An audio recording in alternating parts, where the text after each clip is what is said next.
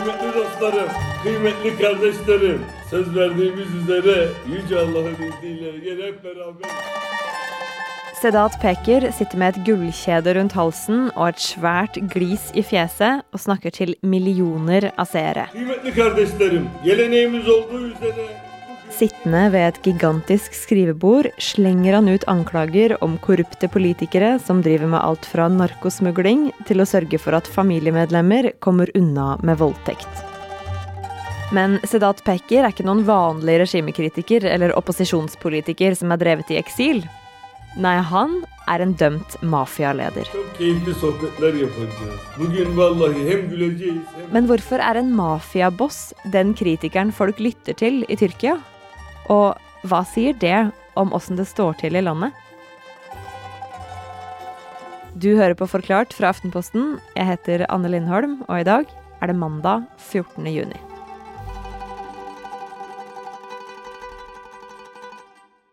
Allah'ın yardımı ve milletimizin desteğiyle nice oyunları ve tuzakları bozduğumuz gibi Recep Tayyip Erdogan sitt Tyrkia er et land som scorer dårlig på rankinger som måler demokrati. De scorer dårlig både på politiske muligheter, på borgerrettigheter og på ytringsfrihet. Mediene kan ikke rapportere fritt. Da blir journalister eh, og andre blir kastet i fengsel. Opposisjonspartiene får eh, mindre og mindre makt. Tyrkia er et land som blir mer og mer autoritært, og hvor eh, mer og mer makt samles på ganske få hender.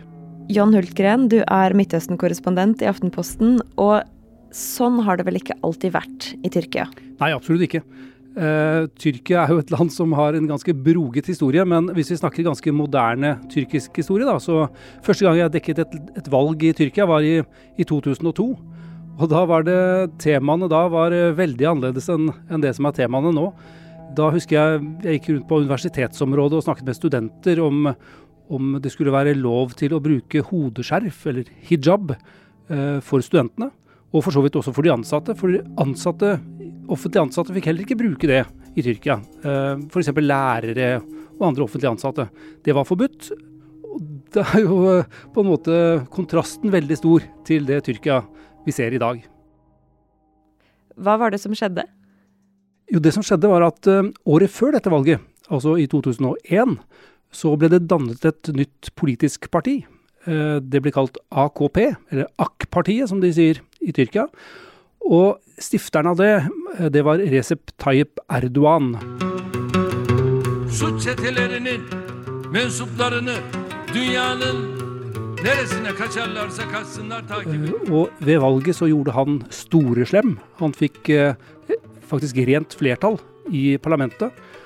Og da begynte en endringsprosess. Eh, Erdogan eh, fremstilte seg som en veldig en, en sekulær, eh, religiøs person, på en måte, men har nok drevet Tyrkia i en, en stadig mye mer religiøs retning, da, hvor, hvor islam får større og større rolle.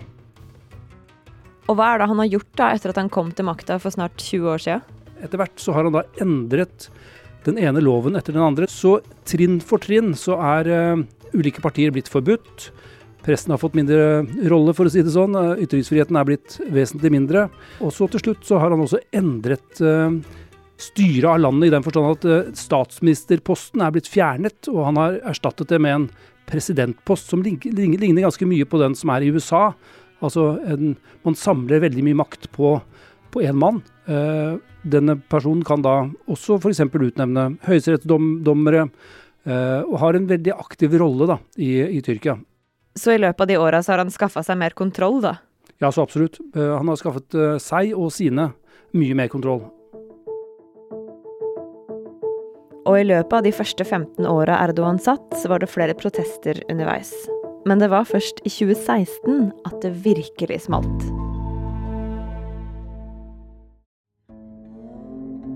Sommeren 2016 så smeller det helt bokstavelig talt, fordi da er det et kuppforsøk. An attempted military coup in Turkey has failed. The head of Turkey's armed forces, Hulusi Akar, has been rescued after being held hostage by Tyrkia er beryktet for kupp. Eh, Denne gangen så var det et kuppforsøk som ble stanset. Men eh, det var allikevel en god del mennesker som ble drept, og mange som ble skadet. Og Erdogan selv sier iallfall At etterretning viser at han var et mål for kuppmakerne. So President Erdogan is on a cell phone with CNN Turk apparently saying that, that we will overcome this while the military faction has uh, Og da begynner en veldig, veldig stor prosess. Massearrestasjoner, veldig mange mennesker mister jobben. Over 100 000 uh, tyrkere mister uh, stillingen sin, og veldig mange blir kastet i fengsel. Og hvor mye har det hatt å si da for åssen Tyrkia ser ut i dag? Det har hatt veldig mye å si. Uh, det er nok uh, absolutt grunn til å tro at uh, Tyrkia er mye mer autoritært nå enn det ville vært uten kuppforsøket. Jeg vil jo tro at de unntakslovene som Tyrkia har innført etter kuppforsøket, har gitt Erdogan mye mer makt enn han ellers ville hatt, og han hadde mye fra før. Dessuten så anklages jo også Erdogan for å misbruke nettopp den makten han har fått, og også for å misbruke effekten av kuppforsøket.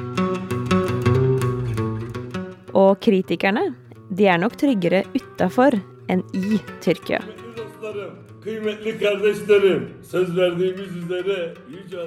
Sedat Peker ser ut som om han er tatt rett ut av TV-serien om mafiafamilien The Sopranos.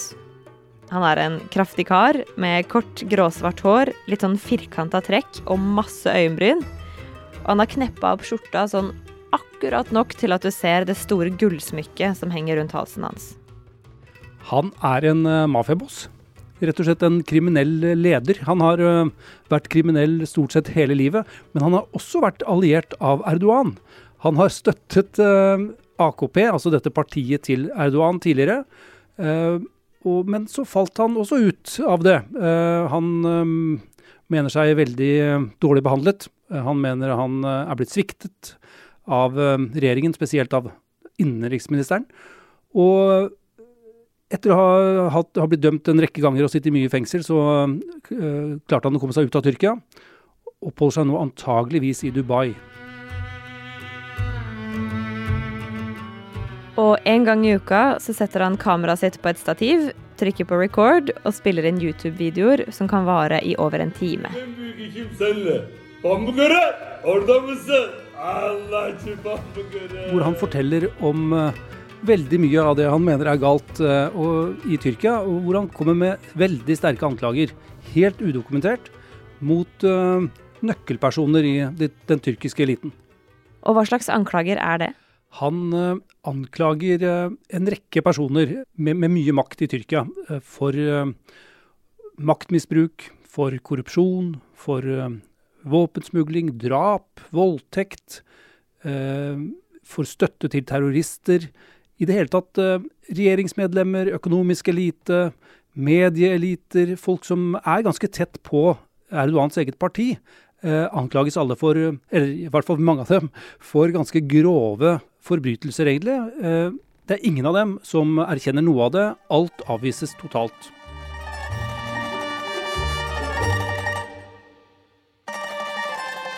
Sjøl om ingenting blir dokumentert, så har disse videoene blitt veldig populære.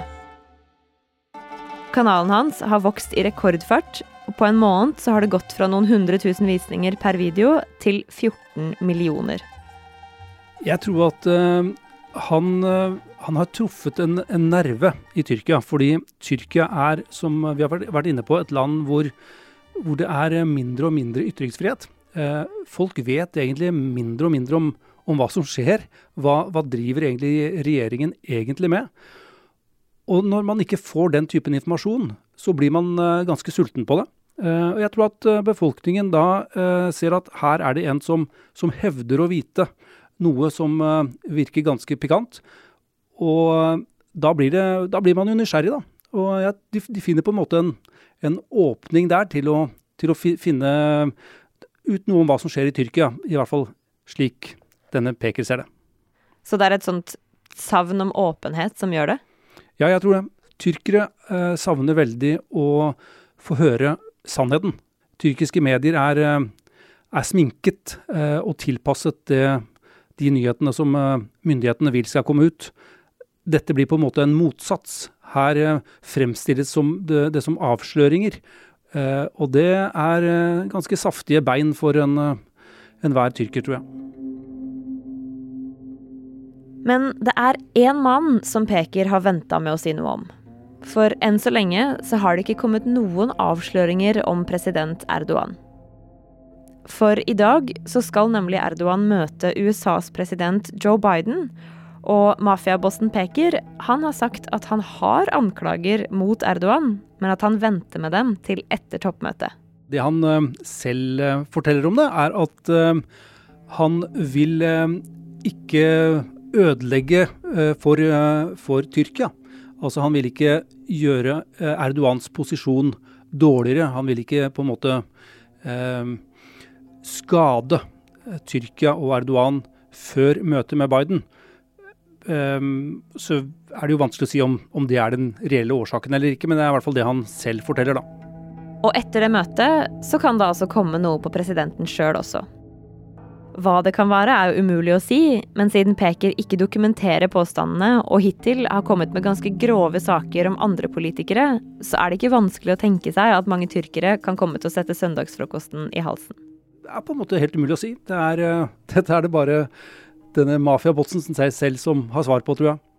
Men sånn som han sitter her og bare kritiserer veldig mange viktige mennesker i Tyrkia. Er det ikke farlig for han å holde på sånn? Jo, det vil jeg tro det er. Han, han sitter jo til, i hvert fall så vidt vi vet, så spiller han inn episodene sine i Dubai, i De forente arabiske emirater.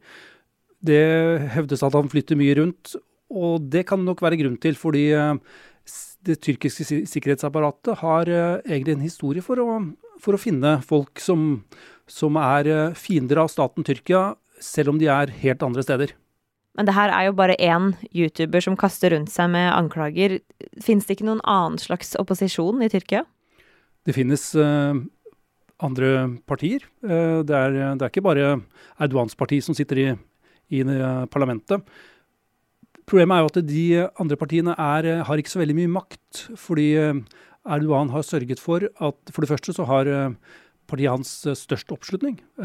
Og det er også sånn at de, han har klart å, å, samle makten på få hender, vedta lover, eh, og dessuten også forbudt en rekke partier. Ja, Så hvor trygt sitter Erdogan da? Nei, Han sitter tilsynelatende veldig trygt. Um, han uh, har jo da også endret uh, rollen som uh, hvem som er egentlig landets leder. Før så var presidenten en person som hadde ganske seremoniell makt. Det var egentlig ikke noe spesiell makt der i det hele tatt. Ved den endringen som Erdogan har gjennomført, så ligger jo all makt nesten hos presidenten.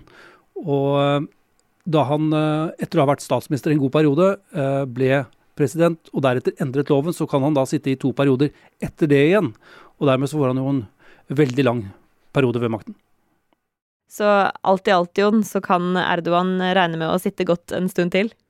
Ja, det tror jeg absolutt han kan gjøre. Han vil være Tyrkias president og leder en god stund ennå. Og dessuten så har han sørget for at de som eventuelt tar over for ham når han da skulle gå av, så er også støttespillere. Så han vil nok fortsatt ha vesentlig makt, selv om han ikke har den formelle som president.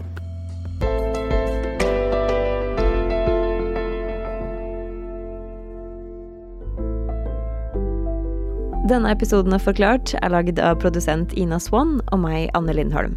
Resten av Forklart er Fride Næss Nonstad, Marit Eriksdatter Gjelland og Guri Leiel Skedsmo. Du hørte lyd fra Al Jazeera, CNBC og nyhetsbyrået AP.